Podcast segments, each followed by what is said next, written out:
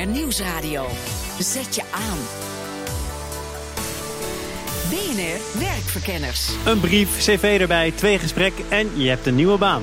Thomas van Zeil. Is het echt zo simpel of komt er meer kijken bij een sollicitatie? Vandaag kijken we in Werkverkenners naar manieren om een nieuwe baan te krijgen. En daar hoort natuurlijk een sollicitatiegesprek bij. We vroegen onze werkverkenners naar hun raarste en moeilijkste vragen. Werkverkenners Update. Sven Romkes is nu Project Officer Diversion and Inclusion bij ABN AMRO. Maar toen hij nog als docent werkte, was daar niet altijd evenveel begrip voor zijn handicap.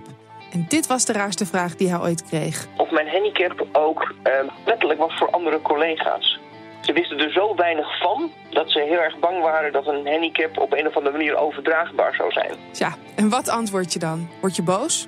Ik heb ze vooral gerustgesteld over het feit dat een handicap gewoon een handicap is. En iets wat, wat bij je blijft. Dat het helemaal niet eng is of helemaal niet raar. En toen waren ze wel een beetje rustiger. Ook Simone Vis kreeg bij een sollicitatie een rare vraag over haar gedrag. Hoe weet je, je, hoe weet je team, hoe weet je medewerkers dat je niet zenuwachtig bent?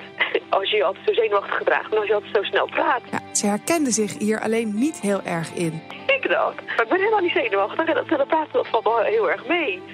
Maar goed, kennelijk was dat, uh, was dat niet hoe ik overkwam. Toch kon ze zich er wel uitredden. Ik heb gezegd dat het enthousiasme, dat het enthousiasme was en, en energie. En dat mensen daar na een tijdje aangewend, uh, aangewend, gingen ra aangewend zouden gaan raken. En kreeg uiteindelijk de baan aangeboden. Dit was het weer voor deze week. Wil je meer weten over onze werkverkenners? Kijk dan even op de website bnr.nl werkverkenners. Simone Vissen snel praten, ik kan er ook weinig bij voorstellen. Bij mij in de studio zijn Tom Scholte, expert op het gebied van personal branding, Bas van der Hatert, recruitmentkenner en Jan Quint, directeur van assessmentbureau LTP. Heren, om te beginnen, wanneer hebben jullie voor het laatst uh, gesolliciteerd, Jan, om bij jou uh, het rondje te beginnen? Het zal een jaar of vier geleden geweest zijn, Thomas. En hoe eerlijk was je over je zwaktes? en zou je die zwaktes ook willen toegeven op de radio? Uh, nee, dat laatste zeker niet. Uh, ja, eerlijk, eerlijk ben je, moet je over je zwaktes altijd zijn. Dan is het alleen omdat er toch naar gevraagd wordt. Ja, ik las een paar valkuilen tijdens sollicitaties en daar stond één, te veel praten over jezelf. Twee, te eerlijk zijn over je zwaktes. En drie, meteen beginnen over geld. Maar die zwaktes, dat is dus kennelijk toch ook een moeilijk punt. Het is een moeilijk punt voor mensen. Je moet ook het zelfvertrouwen hebben om dat te kunnen toegeven, je eigen zwaktes. Tom? Niet per se alleen over je zwaktes. Wanneer heb je voor het laatst gesolliciteerd? Uh, 2006. Ja, een hele tijd geleden. Ben je het geworden? Ja. Ben je het altijd geworden tot nu toe? Um, nee, ik heb ooit voor een luchtverkeersleider gesolliciteerd. En dat is hem niet geworden toen. Jammer? Um, ach, dat een hele andere. Ik heb een leuk leven nu, dus uh, het gaat prima. Waarom denk je dat je het meestal wel wordt? Um, het is inderdaad uh, eerlijkheid en een grote dosis zelfkennis. Dus um, als je weet waar je goed in bent en waar je voor geschikt bent... dan uh, solliciteer je op de juiste plekken of je wordt voor de juiste dingen gevraagd. In plaats van dat je voor de hele verkeerde dingen solliciteert. Gevraagd worden, dat klinkt wel als een luxe positie. Ja, dat is het hele personal branding verhaal. Dat je niet meer hoeft te solliciteren omdat je gevraagd wordt voor de dingen waarvoor je gevraagd wil worden. Dus, um, en dat maakt het een stuk makkelijker, want dan weet je zelf waar je goed in bent, maar weten anderen dat ook. Dus dan weten ze waar je van toegevoegde waarde bent. En kom je zo op een leuke plek terecht. Bas van Natert, wat was jouw laatste sollicitatiegesprek? Gesprek, dat is wel een jaar of elf geleden. En kun je het nog voor de geest brengen? Of is dat wel heel erg uh, met een laag stof eroverheen inmiddels ergens opgeborgen? Um, nou, een onderdeel van de procedure was dat ik een presentatie moest geven. Oh. Um, omdat presenteren onderdeel van mijn werk zou gaan worden. En dat staat me nog wel bij.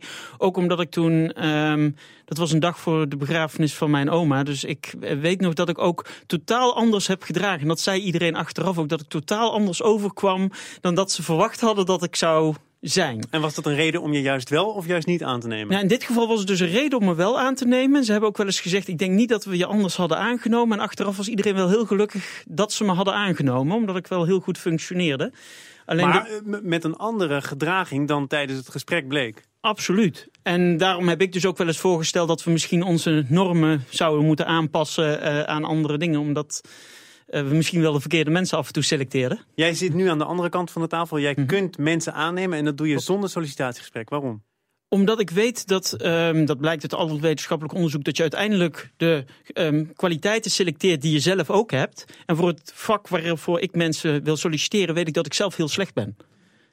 Maar als je het een beetje goed aanpakt, zit je toch niet alleen in een commissie die mensen aanneemt. Dan ben je toch een beetje complementair aan elkaar. Als zelfstandige zonder personeel ehm, is het best ingewikkeld. Ja, zonder om- personeel lijkt het me sowieso niet zo nodig Nee, om mensen aan te nemen. Nee, maar ik neem dus af en toe mensen aan om een bepaald eh, werk voor mij uit handen te nemen. En dan heb ik dus ineens, ben ik ineens zelfstandige met personeel, zeg maar tijdelijk. Maar ik ben in principe altijd eh, eh, zelfstandig. Dus ik heb geen commissie daarbij. Jan, hoe kijk jij naar deze, wat zou ik zeggen, verfrissende procedure? Nou ja, er zijn ook genoeg onderzoeken bekend waar je op basis van een algoritme mensen kunt selecteren.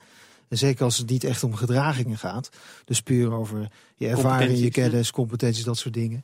Nou, als het om, om, om dergelijke zaken gaat, kun je dat ook via een algoritme doen met testen. En toevallig heb ik vanochtend de games inderdaad die dat gaan testen voor mij eh, ontvangen van, van een developer. Eh, daar ben ik nu een paar jaar mee bezig geweest om die eh, te optimaliseren. Dus Nou ja, inderdaad, als, dat- Bas, als Bas dan weet dat die games precies het goede meten, dan Nou, eh, doet Bas misschien het. dat eh, gaan we valideren. Uiteindelijk is het natuurlijk ook belangrijk wie je aanneemt en hoe diegene zich presenteert. Dat zou je kunnen vatten onder de noemer personal branding. Tom, daar weet jij meer van. Je hebt me net het boek in handen gegeven, Personal Branding voor ZZP'ers. Kijk even naar je eigen branding. Tom Scholt is expert op het gebied van personal branding. Hij traint, coacht, organiseert, begeleidt, schrijft, blogt, tweet en leeft personal branding. En dan komt er ook nog iets over faciliteren. Ja. Lees ik nou heel veel hetzelfde of eh, zit er toch een heel groot verschil tussen trainen, coachen en begeleiden? Eh, nee, er zit echt wel een verschil tussen. En ik heb het meer, ik heb het uiteraard zelf geschreven, die achterflap. Eh, ook als voorbeeldtekst. Hè. Ik moet zelf natuurlijk wel het voorbeeld geven. Dat, het, dat het helpt om zeg maar, in je etalage een single focus te hebben. Hè. Of, een- of één thema te hebben. Je mag van alles doen qua activiteiten. Maar het is handig om één thema te hebben. En dat personal branding is dan mijn thema, zeg maar, op, op basis waarvan ik alles doe. Eh, allemaal activiteiten onderneem. Wanneer moeten mensen gaan nadenken over hun personal brand? Want ik heb zelf geen idee welk merk ik ben, bijvoorbeeld. Ja, nou dan moet je, kun je nu beginnen, zeg maar. En je, moet, je moet eigenlijk met personal branding beginnen op het moment dat je het niet nodig hebt. Op het moment dat je nu een baan nodig hebt, dan moet je gaan solliciteren of eh, je inschrijven bij bureaus of mensen voor je laten werken. Maar het opbouwen van een merk, dat kost tijd. Maar waarom is het nodig? Ik heb nu toch ook een gelukkig leven en een goede baan, vind ik zelf. Waarom is het nodig? Omdat eh, de arbeidsmarkt verandert. Er wordt projectmatig gewerkt. Hè. Je hebt volgens mij geen vast contract. Ehm, dus je, hebt, je hebt nu werk, maar heb je over een half jaar of over een jaar eh, nog werk. Dus daarom kun je parallel aan je huidige activiteiten beginnen met personal branding activiteiten. Bewust, eh, eh, bewust bezig zijn met te reflecteren op wie je bent, wat je doet, wat je toegevoegde En waarde i- is er een verschil tussen de mens Tom Scholte en het merk Tom Scholte? En geldt dat dus voor iedereen of is dat eh, min of meer hetzelfde? De ultieme personal branding brengt dat met elkaar in lijn. Dat, je, dat wie je bent, met wat je uitdraagt en wat je in je werk kunt zijn. En daar ligt ook nog wel een uitdaging voor werkgevers. Ehm, dat het in lijn is met wie je bent. Ja, dat je net jezelf kunt zijn op je werk. Sterker nog, Thomas, ik denk dat jij, of ik weet wel zeker dat jij een personal brand bent. Je bent er alleen niet bewust mee bezig. Want als ik het in de markt over werkverkenners heb, kent iedereen jou en heeft iedereen een mening over hoe jij dit programma presenteert. Zegt het voort. Ik merk dat Laura Walburg, de redactrice, enigszins begint te sputteren. Maar daar komen we misschien aan het eind van dit programma nog wel aan toe om dat een beetje recht te brengen. De uitnodiging voor het gesprek is binnen. Hoe ga je er dan voor zorgen dat jij wordt gekozen? Zometeen. BNR Nieuwsradio. Zet je aan. BNR Werkverkenners. Het sollicitatiegesprek, een goede manier om met elkaar kennis te maken of een achterhaald mechanisme. Daarover heb ik het met mijn gasten Tom Scholte, expert op het gebied van personal branding, Bas van der Hatert, de recruitmentkenner en Jan Quint, directeur van assessmentbureau LTP. Een creatieve kandidaat die is goed in natte vingerwerk of een slimmer die snel kan rekenen. Antwoorden op de raarste sollicitatiegesprekken eh, en vragen kunnen veel zeggen over het brein en karakter van de sollicitant. In de UB van de Universiteit van Amsterdam legde verslaggever Elfanie Toulaar de top drie gekke sollicitatievragen voor aan drie sollicitanten in spe. Hoi, ik ben Lieke. Ik studeer klassieke talen in Amsterdam. Tweedejaars. Hoi, ik ben Daan. Ik studeer klassieke talen in Amsterdam, eh vijfdejaars nu. Ik ben Tessa en ik studeer klassieke talen. Ik zit in mijn tweede jaar. Voor Nuon Manager, waar zou je 10 miljoen euro in investeren en waarom? Jeetje, ik heb echt ehm, in onderwijs en wetenschap, denk ik. Maar dat zou Nuon niet doen. Ja, en waarschijnlijk inderdaad ook in onderwijs, ehm, milieu ook een deel. Dat hoop ik dat Nion ook een beetje doet. Ehm, ik zou in duurzame energie investeren. Want ehm, nou ja, dat is sowieso heel goed voor de, de toekomst van de aarde. Maar natuurlijk straalt het ook eh, een goed karakter uit. Dus het is heel goed voor public- publiciteit en zo. Jan Quint, waarom wordt juist deze vraag gesteld? Nu ja, deze vraag die leidt eigenlijk tot persoonlijke waarde van iemand. Ehm, dus in dit geval kun je een match maken met de cultuur van de organisatie. Het past de waarde van deze persoon bij de cultuur en de teams die wij hebben. Maar dan zeg je, we gaan met die 10 miljoen werken aan een betere wereld. Dat zegt natuurlijk iedereen. Ja, en het zijn natuurlijk ook heel eenvoudige antwoorden. Dus veel meer dan een persoonlijke waarde haal je er niet uit. Je kunt toch niet zien of deze persoon rationaal, rationeel redeneert of logisch. Dat Geen je er goede allemaal vraag. niet uit. Op zich geen goede vraag, tenzij je echt iets wil weten over persoonlijke waarden. En als iemand nou probeert om hier een beetje de geinpodem uit te hangen... of de slimme jongen of de slimme Dan meid... zegt dat ook iets over die persoon. Kan dat? Dan moet je dus een ander antwoord geven dan investeren in onderwijs, wetenschap en een betere wereld. Ja, je zou kunnen vragen, waarom zou ik investeren? Gaan we weer terug naar die UB van de Universiteit van Amsterdam... met nog een andere gekke sollicitatievraag. Hoeveel liter verf heb je nodig om een airliner, een soort vliegtuig, groot vliegtuig, te verven? Liter verf. Eh, ja, eh, d- dit wordt echt een, een, een gigantische gok. Ehm, ik, ik, ik zou er zo een, een, een duizend, eh, een, een, een nul naast kunnen zitten, maar ik, ik ga maar gewoon voor, voor duizend liter. Duizend liter. En jij, Lieke? Ik zat ehm 12.000 of zo te denken. Geen idee. Oeh. Ehm, ik denk iets van 1000 liter. Bas van de Hater, jij ziet eruit alsof je het hebt uitgerekend. Vertel het ons. Nou nee, wat, ehm, dit is het type vraag wat grappig genoeg Google jarenlang heeft gesteld. En die zijn op een gegeven moment gaan kijken naar alle mensen die ze aan hebben genomen. Of het, de vraag ook maar op enigerlei wijze enige voorspellende waarde had. Google stelde deze vraag in eigen sollicitatiegesprekken. Ehm, vergelijkbaar. Ik geloof dat ze de pingpongbal in een golf eh, of zoiets deden. Of in een kever. maar ik begrijp dat ik eh, van jou het antwoord niet hoef te verwachten. Ehm, nee, de voorspellende waarde was nul, bleek. Uit alle Google-dingen, of ze het goed hadden, dichtbij zaten, noem het maar op. Dus dat op geen enkele manier konden ze er iets aan zeggen. Ook niet over het karakter. Wat zegt het als je deze vraag goed beantwoordt... en dus het juiste aantal liter verf voor die airliner inschat? Vol- vol- volgens, wat, volgens wat Google heeft onderzocht naar zijn mensen, niks. Helemaal, absoluut niks. Tom Scholten. Ja, kijk, het feit dat je gaat proberen die vraag te beantwoorden, daar gaat het eigenlijk al mis. Dus eh, wat mij betreft hè, eh, is, ligt de uitdaging juist als je zo'n soort vraag krijgt, dat je dan zelf de creativiteit hebt om een verhaal te vertellen over verf. Of wat je met die verf zou kunnen doen. Of de vraag te stellen, gebruiken ze wel duurzame verf, zeg maar. Dus, Tom, dus- we gaan even kijken naar de derde vraag. Kijken hoe creatief jij bent eh, met dat antwoord. Dankjewel. Waarom zijn putdeksels rond? Dat zal wel praktisch zijn om een of andere reden. Ehm, ik denk om de vorm van de historische vorm van de put ehm, te representeren. Wat denk jij, Daan? Ehm, nou, dan kan je ze makkelijker open krijgen, zou ik zeggen. Want eh, dan kan je op één kant duwen en dan gaat de andere kant omhoog. Dat gaat met vierkante putdeksels moeilijker. Waarom zijn putdeksels rond? Tom! Ja, de uitdaging ligt natuurlijk van de rond. Wat kun je met rond? Hè? Nee, maar Dus- weer geen antwoord op de vraag. Nee, tuurlijk niet. Mensen proberen niet. het antwoord te We willen vermijden, te niet- omzeilen. Ja, nee, maar dit zijn jonge mensen, notabene op de universiteitsbibliotheek. Daarvan verwacht je dat ze niet eh, problemen op gaan lossen voor vragen die ze krijgen, maar dat ze zelf vragen gaan stellen over nieuwe problemen. Dus eh, ik zou vooral op zoek gaan naar mensen eh, in mijn sollicitatiegesprekken dan die vragen ter discussie stellen of zelf met wedervragen komen in plaats van maar klakkeloos vragen gaan Maar als je zegt, ik vind een domme vraag, scoor je dan tijdens een sollicitatiegesprek? Nee, maar je kan nog een creatief antwoord geven op, op rond. Maar jij geeft helemaal geen antwoord. Nee. Nee, nee je, je probeert het eh, om te draaien natuurlijk, qua branding helemaal, naar een onderwerp wat jou bezighoudt. Dus als jij iets hebt met rond, of met putdeksels, of met riolering, of met milieu, kun je daar een mooi eh, betoog over Maar houden. als jij voortdurend dingen aan het omdraaien bent en vragen aan het omzeilen, denk ik, ja, je moet vooral politicus worden. Ehm, dat, dat, is de enige, enige vakgebied waar ik nou met mijn personal branding niet zit. Want als je het hebt over authenticiteit en over, over framing en over jezelf afzetten tegen een ander. Ehm, nee, het is juist eh, de uitdaging om het, eh, om het op jezelf te houden. Eh, je mag natuurlijk prima zeggen dat je het antwoord niet weet, maar maak er ook iets van waar je wel, waar je wel iets mee waar je wel enthousiast van wordt. Jan, we hebben het gehad over cv's, over sollicitatiebrieven, over het sollicitatiegesprek zelf. Dan houden we nog het assessment over. Wanneer komt dat assessment erbij? Nou, tegenwoordig komt dat steeds eerder, Thomas. Dus tegenwoordig krijg je veel online assessments. Vaak al voordat je op interview wordt uitgenodigd. Een online assessment nog voor het gesprek. Ja, dus dat gaat dan vaak over intelligentie, numerieke abst- eh, vaardigheden, abstract denken. Maar ook gewoon je persoonlijkheid, je waarden. En op basis daarvan die algoritmes die Bas al noemde, dan nodig je iemand uit of niet uit. Want het moet wel aansluiten bij een succesvolle kandidaat. En hoe- in hoeverre kun je daarvan wel de voorspellende waarde aangeven van het Nee, assessment? Dat is, de, de, is een correlatie zoeken tussen de mensen die het nu al goed doen binnen je bedrijf en hun scores op die testen. Maar belangrijker is het assessment zelf. Want je wilt iemand ook gewoon live bezig zien. En je wilt zien hoe iemand zijn persoonlijkheid, intelligentie omzet in gedrag. En past dat gedrag ook bij jouw organisatie? En daar zie je wel trends in op dit moment. En voor welke functies doe je dat? Want het, het kost natuurlijk geld. Hè? Eigenlijk- 2000 euro, 3000 euro ben je zo kwijt. Ja, dat, nou, ongeveer dat bedrag. Hangt er vanaf hoeveel mensen je er in een groep zet. Maar ehm, overal waar gedrag en samenwerken een rol speelt, wil je mensen bezig zien. Dus je wil mensen zien in een soort pressure cooker.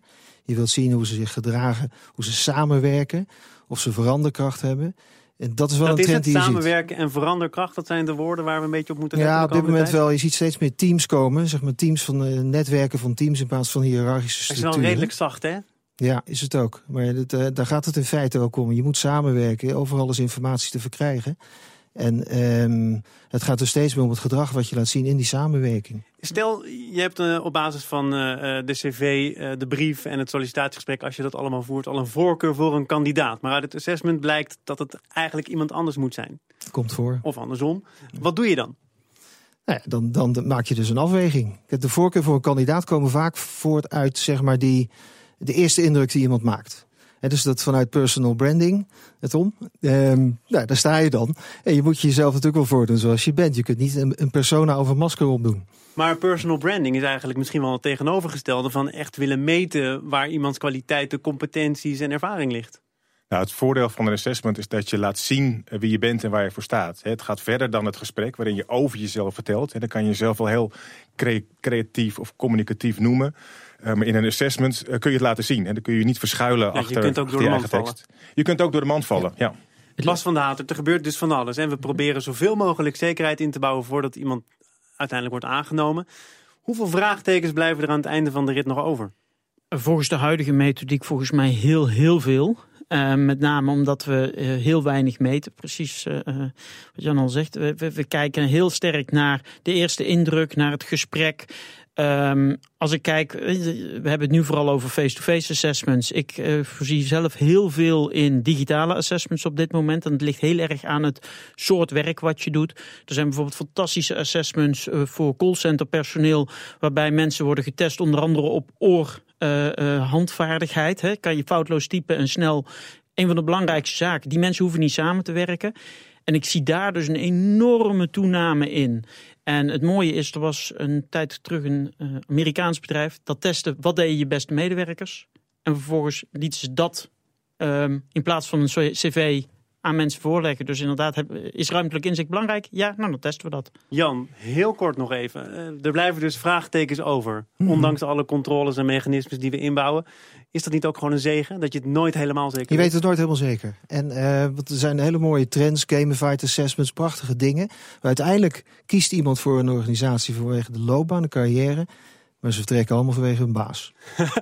Daar hebben we het dan misschien een volgende uitzending over. Dankjewel. Tom Scholte, expert op het gebied van eh, personal branding. Bas van der Hatert, recruitmentkenner. En Jan Quint, directeur van Assessment Pro LTP. En daarmee zijn we bijna aan het einde gekomen van deze uitzending. In plaats van de werktips zoals u die gewend bent, krijgt u van mij nog een reportage. Als je je baan zat bent, kun je in plaats van te solliciteren ook van baan ruilen.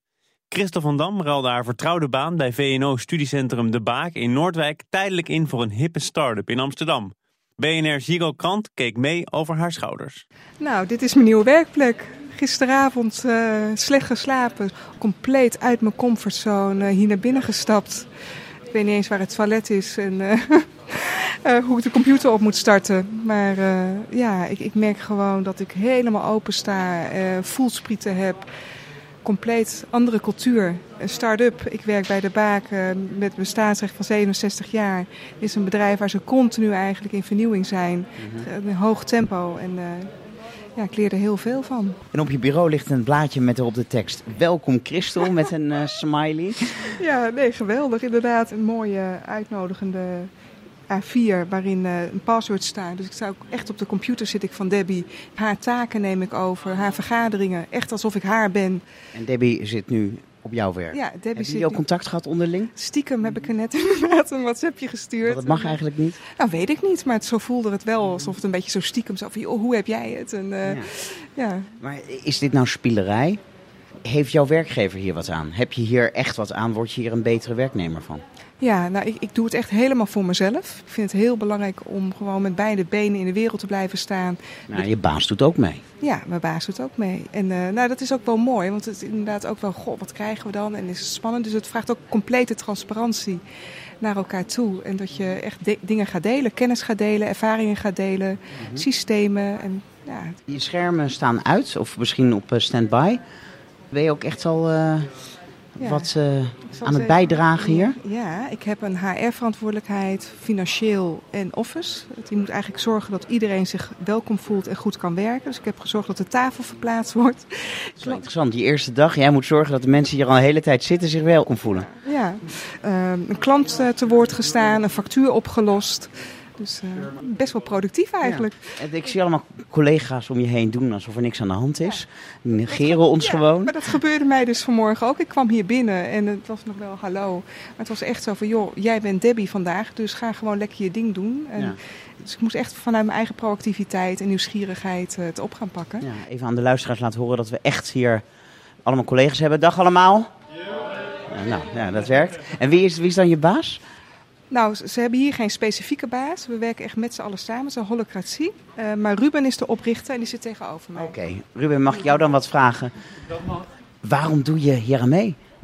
Ja, eigenlijk waarom niet? Uh, wij zijn altijd heel open. We hebben heel vaak bezoekers hier die komen kijken hoe dingen hier gaan. Dus eigenlijk was de reactie al meteen zoiets van bring it on. Want uh, daar kunnen we van leren. Van wat Christel hier brengt, maar ook wat Debbie natuurlijk daar aan het doen is. Maar straks wil je Debbie helemaal niet meer terug. Wil je Christel houden? Dat zou kunnen, maar dan gaan we haar gewoon proberen binnen te halen naast Debbie. dus who knows? Als het heel goed doet, dan kan het. Tot zover deze uitzending van Werkverkenners. Het nieuwe seizoen begint volgende week op 15 augustus. Bedankt voor het luisteren. Tot dan en werk